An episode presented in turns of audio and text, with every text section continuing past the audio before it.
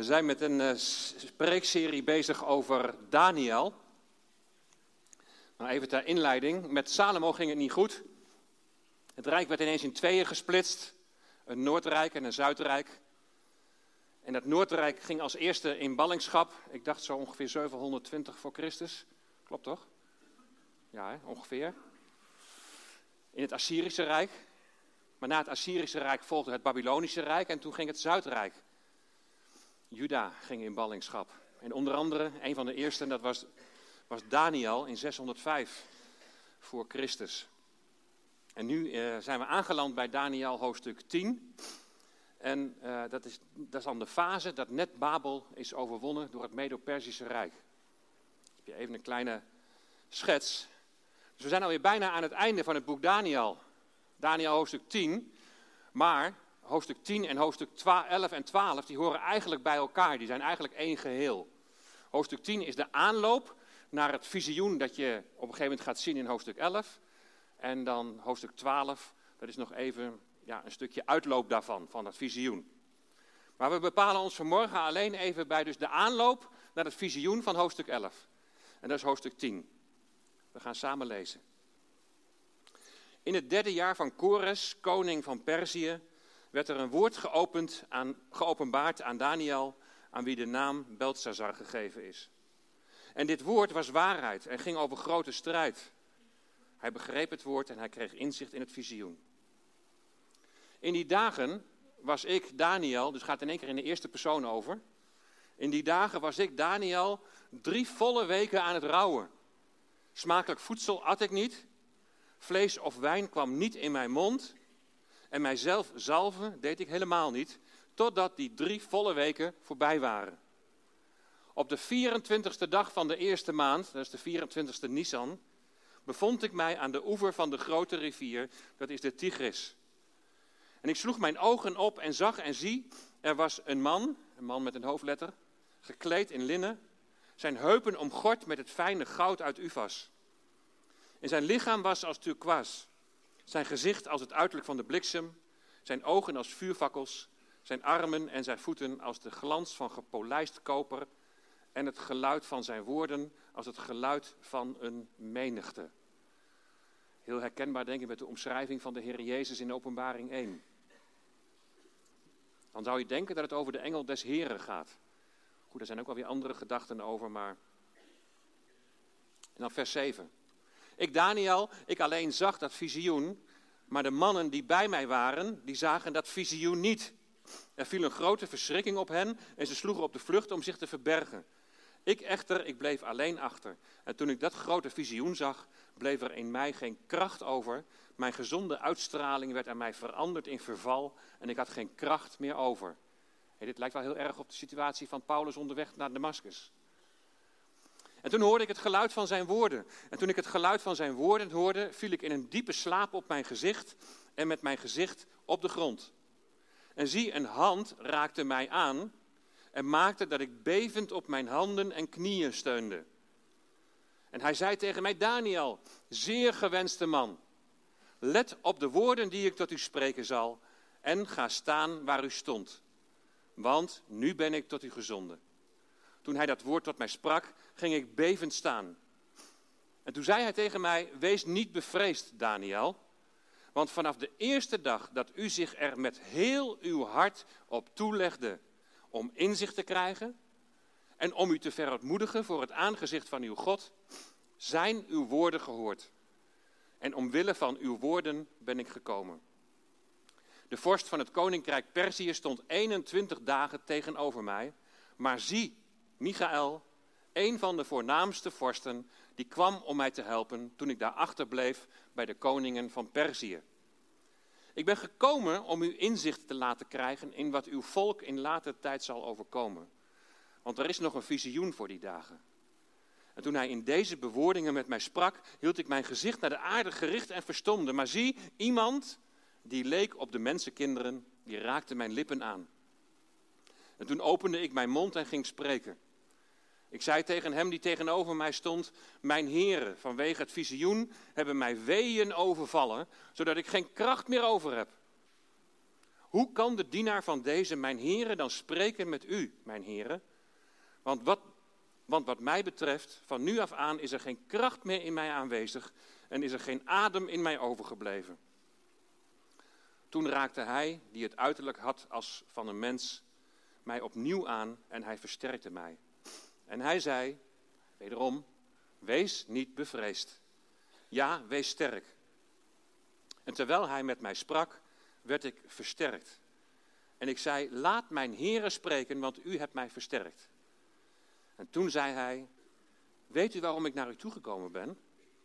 Nu zal ik terugkeren om tegen de vorst van Perzië te strijden. En zodra ik vertrokken ben, zie, dan zal de vorst van Griekenland komen. Ik zal u echter vertellen wat is opgetekend in het boek van de waarheid. Al maakt niet één zich met mij sterk tegen hen, behalve uw vorst Michael. Tot zover de schriftlezing uit Daniel hoofdstuk 10. Wat een fascinerend hoofdstuk.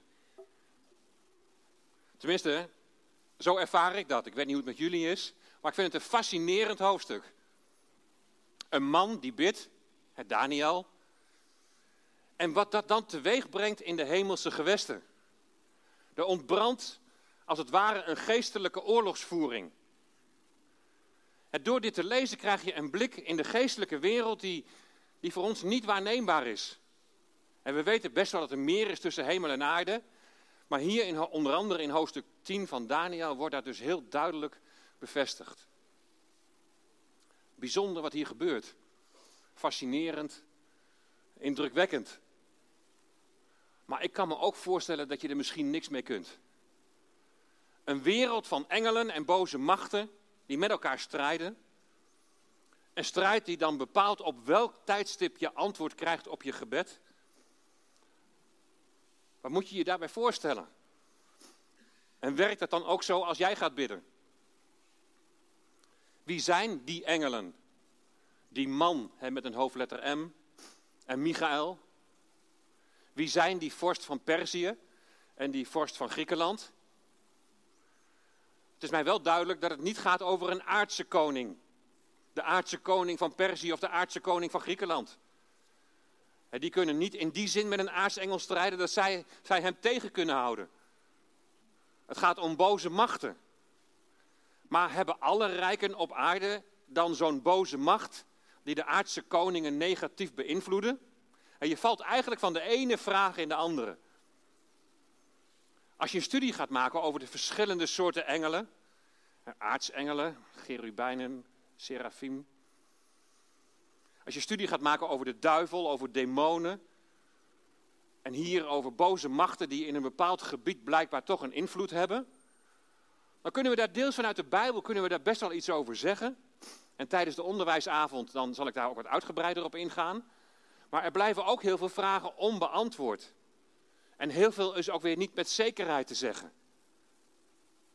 Of ons zicht op deze dingen is nog onvoldoende.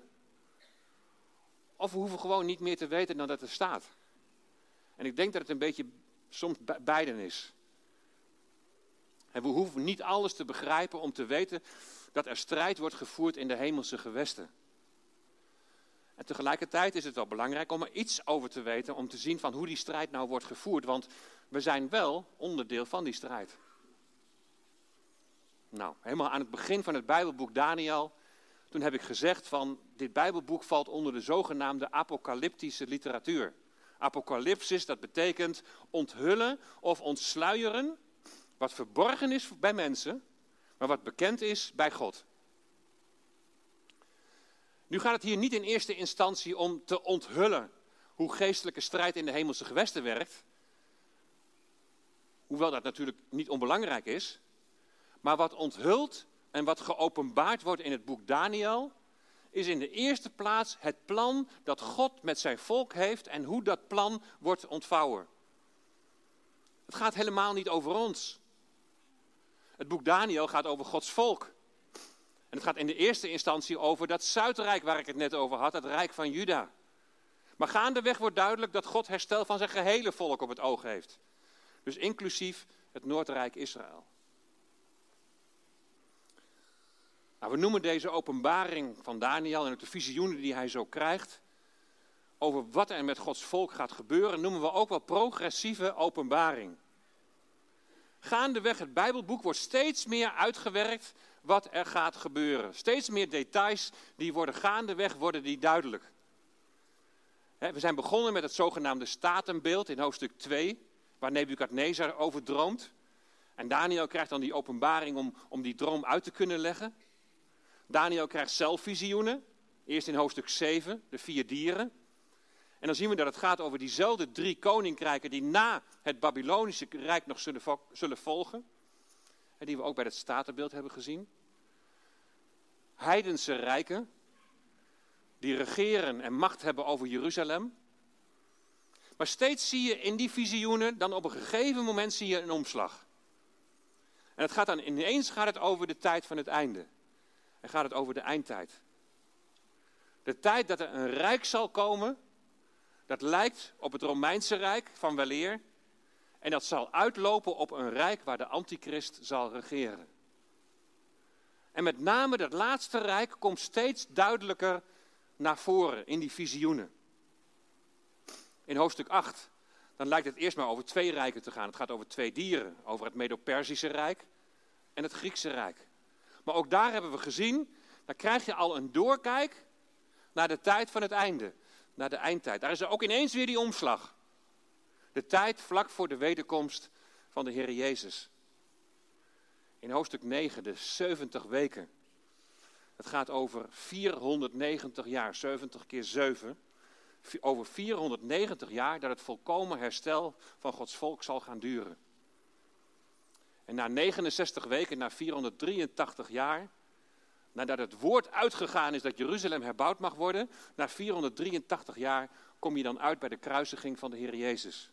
Een cruciaal keerpunt in de geschiedenis. Ook in Daniel 9, vers 27 zie je een omslag weer naar de tijd van het einde. En dat gaan we nog tijdens de onderwijsavond over twee weken gaan we dat zien. Zo'n omslag zullen we straks ook weer zien in hoofdstuk 11 en hoofdstuk 12. Het wordt steeds gedetailleerder en het wordt steeds duidelijker. Als je zo kijkt naar de rode draad door dit prachtige, door dit fascinerende Bijbelboek, dan zie je het volgende. Het geestelijke, het volkomen herstel van Gods volk gaat 490 jaar duren. 70 weken. Precies de duur dat ze voor de ballingschap de sabbatsjaren niet in acht hebben genomen. Ze moesten ieder sabbatsjaar, ieder zevende jaar, moesten ze het land braak laten liggen. En ze hebben dat 70 keer, hebben ze dat niet gedaan. Dus totaal ook 490 jaar. Gedurende die komende 490 jaar, na de ballingschap, zal er strijd zijn. In vers 1 van hoofdstuk 10 hebben we dat gelezen. Een oorlogsvoering gedurende een lange vastgestelde tijd. Zo staat het er eigenlijk letterlijk. En je ziet dat, in hoofdstuk, je ziet dat beschreven dan straks in hoofdstuk 11. Verschillende rijken zullen over Jeruzalem heersen. Boze machten zullen hun invloed op deze rijken laten gelden, want er staat heel veel op het spel. Het doel is dat God in Jeruzalem zal wonen, dat de Messias daar zal regeren en dat Gods volk daar zal wonen en volkomen hersteld zal worden in de relatie met Yahweh en het kennen van zijn zoon. En dan zullen ze weer als priestervolk op deze aarde gaan functioneren. Zij zullen Gods heerlijkheid gaan weerspiegelen. Dat is het, het einddoel. Uiteraard gaat het, gaat het rijk van de boze zich tegen dit alles verzetten. En we zijn nu na de 69ste jaarweek, toen Jezus werd gekruisigd, zijn we in de tijd van de gemeente bestaande uit gelovige Joden en gelovige heidenen. Die samen in één geest toegang hebben tot de Vader. Het geestelijk herstel van Israël als volk zal nog gaan plaatsvinden. Dat is een belofte. God zal zijn geest over hen gaan uitgieten. Dat zal zoals steeds in de Bijbel het geval is, door verdrukking heen gebeuren in die laatste jaarweek die nog komt. Dan zullen ze massaal terugkeren naar hun land, waar we nu al de voortekenen van zien. Maar die massale terugkeer die zal dan samenhangen ook met hun massale bekering. En het ligt in de toekomst. Wellicht een nabije toekomst. Nou, misschien handig even zo'n korte terugblik en een samenvatting. Maar ik doe dat om nogmaals te benadrukken dat het in dit Bijbelboek gaat om het geestelijk herstel van Israël. Dat het koninkrijk der hemelen, dat is niet een koninkrijk in de hemel, maar een koninkrijk op aarde, dat zal zijn als in de hemel.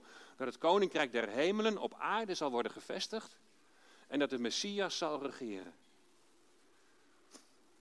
En deze rode draad die helpt, hoop ik, om beter te begrijpen waarom Daniel gaat rouwen. Waarom hij gaat bidden en vasten. Wat al gauw kan gebeuren is dat je je helemaal gaat focussen op die geestelijke oorlogsvoering. En dat is fascinerend en dat is spectaculair. Er zijn als gevolg van dit hoofdstuk mensen geweest die aan de hand van die vorst van Perzië en die vorst van Griekenland een theorie hebben gebouwd in relatie tot geestelijke oorlogsvoering en onze rol als gelovigen daarin. Een theologie met betrekking tot de geestelijke wereld die grote invloed heeft op evangelisatie en zendingsstrategieën. Die leer is populair geworden, onder andere door de boeken van Frank Peretti hierover. Ze gaan uit van een hiërarchie van demonen, overheden en machten die over bepaalde geografische gebieden zijn aangesteld. Zoals de vorst van Perzië en zoals de vorst van Griekenland. En wat ze dan gaan doen, dat is met een Engels woord spiritual mapping. Geestelijke cartografie. En je moet dan een gebied waar je, geest, waar je bent, moet je geestelijk in kaart gaan brengen. Je moet ontdekken waar demonen het meest krachtig actief zijn. En de geestelijk meest dorre landen worden dan gelokaliseerd tussen de tiende en de veertigste noordelijke breedtegraden.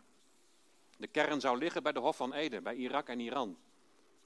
En wij als gelovigen, wij als, als leger van de Heer, moeten dan vooral in dat gebied binnentrekken. En dan wordt er gesproken van een strijd tegen duivelse machten. En natuurlijk zijn er boze geestelijke machten. Die strijd voeren tegen Gods engelen. Die strijd voeren tegen de uitvoering van Gods plan met Israël. En wat we hier lezen in, in, in Daniel 10 is realiteit. Verder weten we ook dat de duivel de overste van deze wereld is. En tijdens de verzoeking in de woestijn biedt hij Jezus deze koninkrijken aan. En dat kan hij omdat hij over deze koninkrijken heerst. En daar zal hij ongetwijfeld zijn volgelingen hebben uitgezet om kwaad te stichten. Bij iedere oorlog die woedt in deze wereld moet je ervan bewust zijn dat er tevens een geestelijke strijd gaande is. Er is veel meer gaande dan dat wij kunnen waarnemen. Maar het lokaliseren van boze machten en dan het strijden in de zin van het aanvallen van deze machten, dat is iets wat ik niet terugvind in de Bijbel. En natuurlijk geeft Efeze 6 aan dat we niet te strijden hebben tegen vlees en bloed, maar dat we te strijden hebben tegen de overheden, tegen de machten, tegen de wereldbeheersers van de duisternis van dit tijdperk, tegen de geestelijke machten van het kwaad in de hemelse gewesten. Jazeker, er is sprake van strijden tegen boze machten. Maar het strijden, dat is een kwestie van weerstand bieden om staande te blijven. Zo wordt het in Efeze 6 beschreven. Weerstand bieden om staande te blijven. Het gaat niet over het bewust lokaliseren van geestelijke machten en het inzetten van een aanval tegen hen. In Efeze 6, vers 10, daar staat, wordt gesterkt in de Here en in de sterkte van zijn macht. Daar ligt het geheim.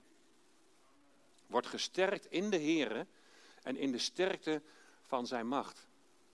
De nadruk ligt niet op aanvallen, maar gesterkt worden in de Here. Je bewegen in Hem. Leven vanuit je relatie met Hem. Weet je, als je naar die geestelijke wapenrusting kijkt in Efeze 6, dan wijzen alle onderdelen naar wie? Naar de Heer Jezus. En in Christus, in Hem, ben je overwinnaar. En dan hoef je niet op een andere manier die overwinning te behalen. En die overwinning is in Hem. En daarom is overgave aan Hem zo ontzettend belangrijk. En je kunt je helemaal focussen op die boze wereld buiten jou. Maar afgelopen zondag heb je nog gehoord dat het kwaad in je eigen harnas schuilt.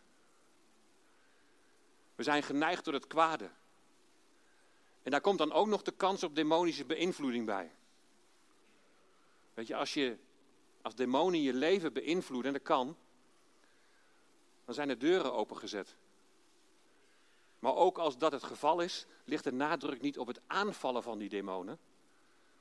Het allereerste dat dan belangrijk is, is dat je je zonde gaat beleiden. Beleiden dat je de deur hebt opengezet.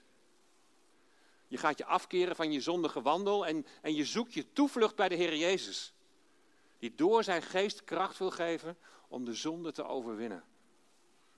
En dan mag je in zijn autoriteit de demonen de wacht aanzeggen dat zij geen aanspraak meer op je hebben. Maar dat is niet aanvallen, maar pleiten op de naam van de Heer Jezus. De naam boven alle naam. En je zei het al, Alice, in die naam zijn we vanmorgen samengekomen. Jezus in wie de overwinning is. Jezus in wie de overwinning al is behaald. Als je Daniel 10 bestudeert, dan kan het zomaar zijn dat je helemaal in beslag genomen wordt door wat er in die hemelse gewesten allemaal gebeurt. Maar voor mij ligt de nadruk op het gebed van Daniel. Waarom gaat Daniel bidden? En is er een reden voor dat hij juist dat op dit moment doet?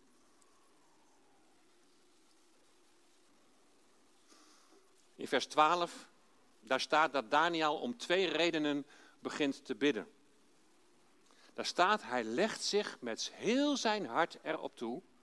Ten eerste om inzicht te krijgen en ten tweede om zich te verootmoedigen.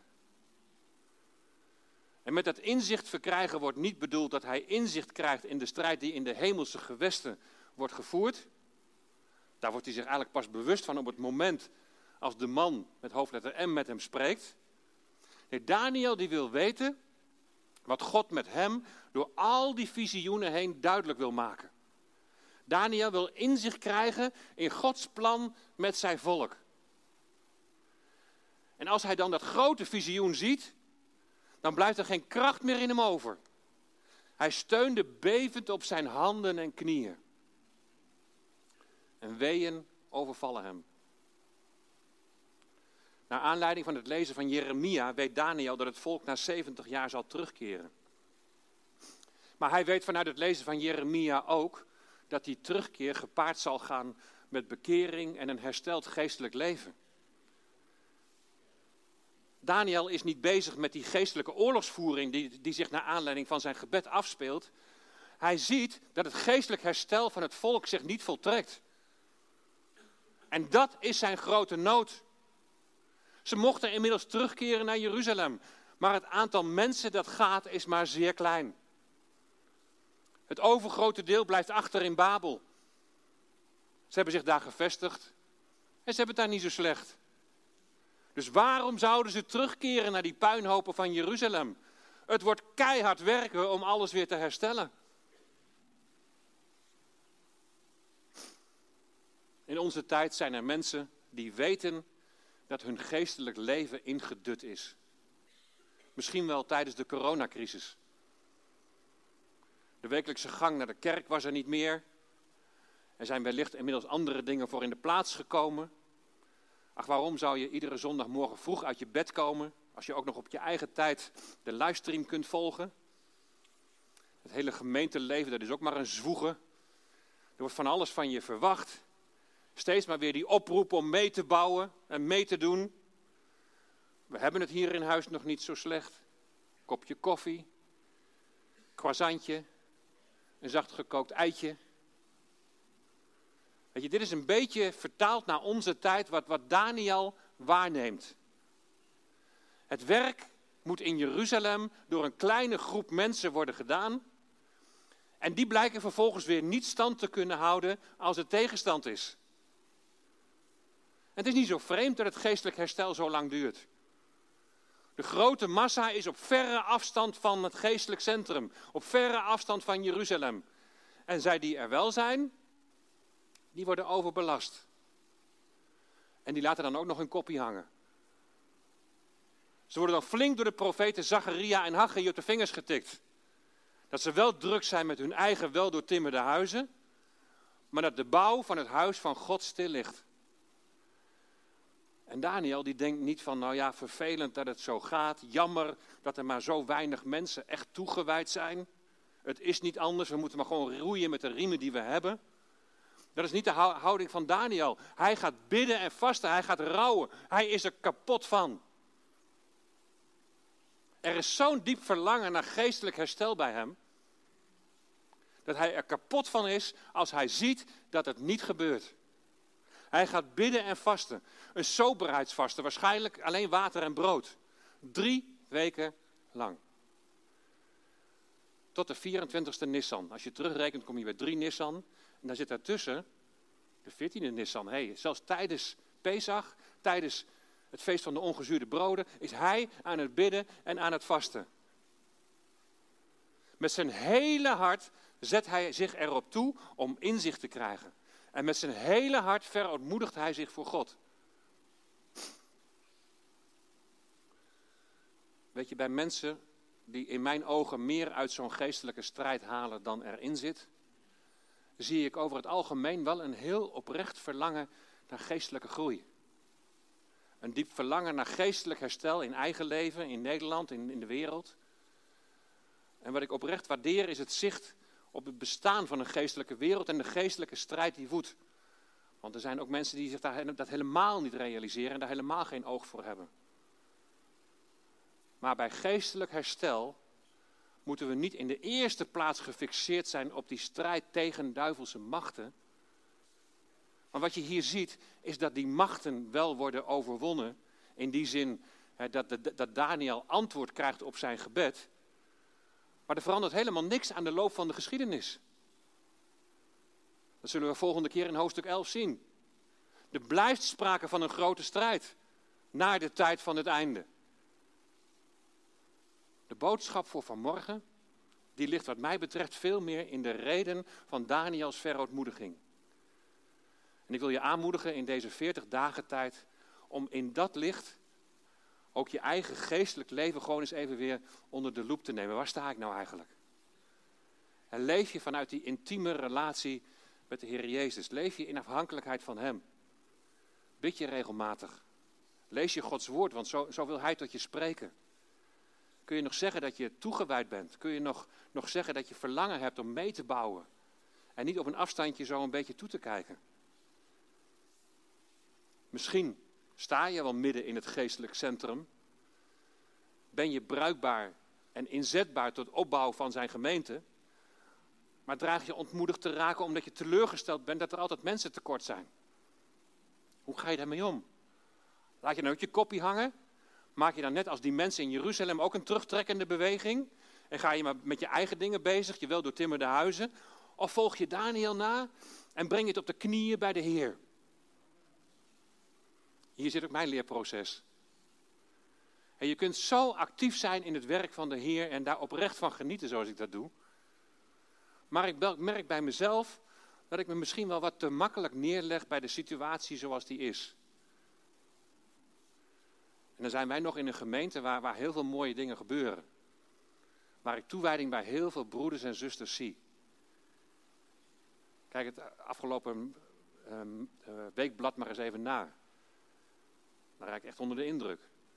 Maar, er is wel een maar. Daniel keek naar het volk als geheel. God kijkt naar het volk als geheel.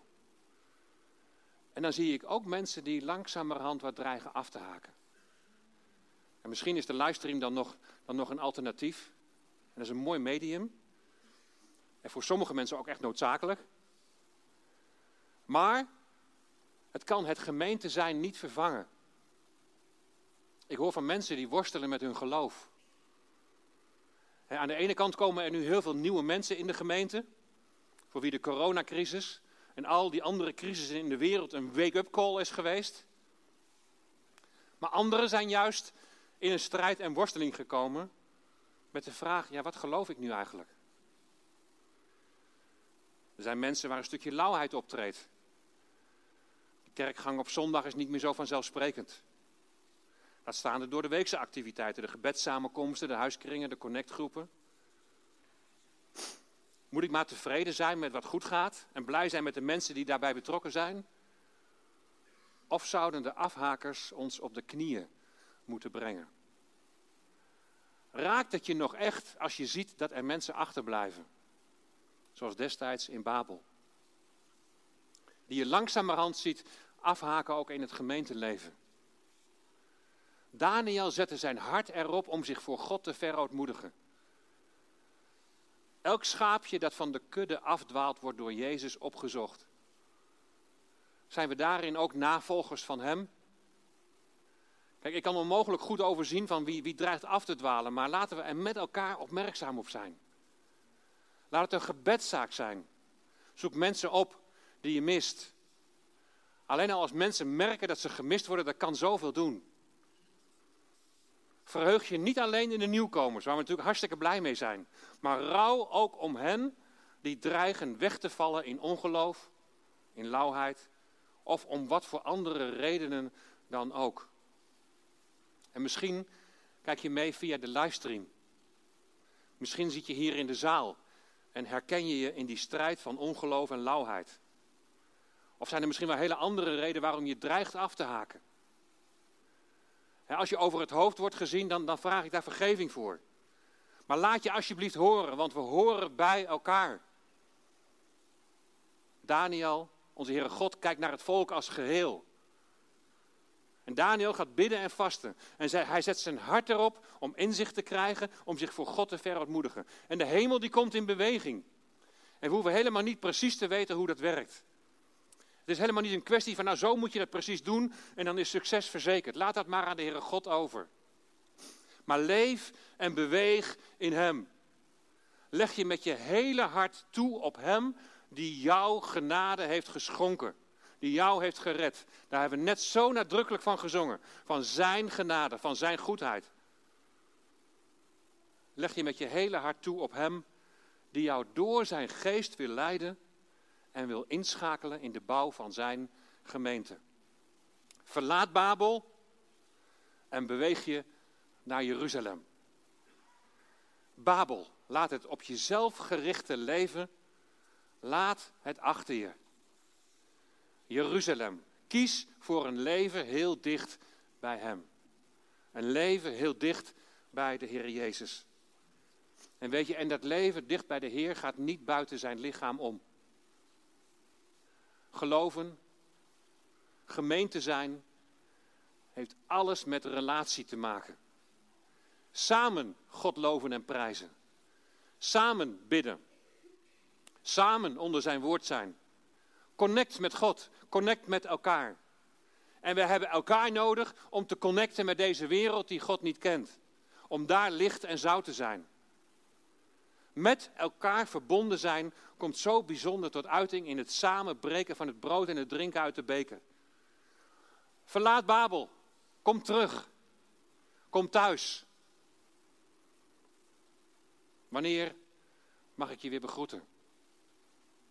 Laten we samen bouwen. Niet vanuit een opgelegd moeten, maar vanuit een diep innerlijk verlangen om Gods medearbeider te zijn. Amen.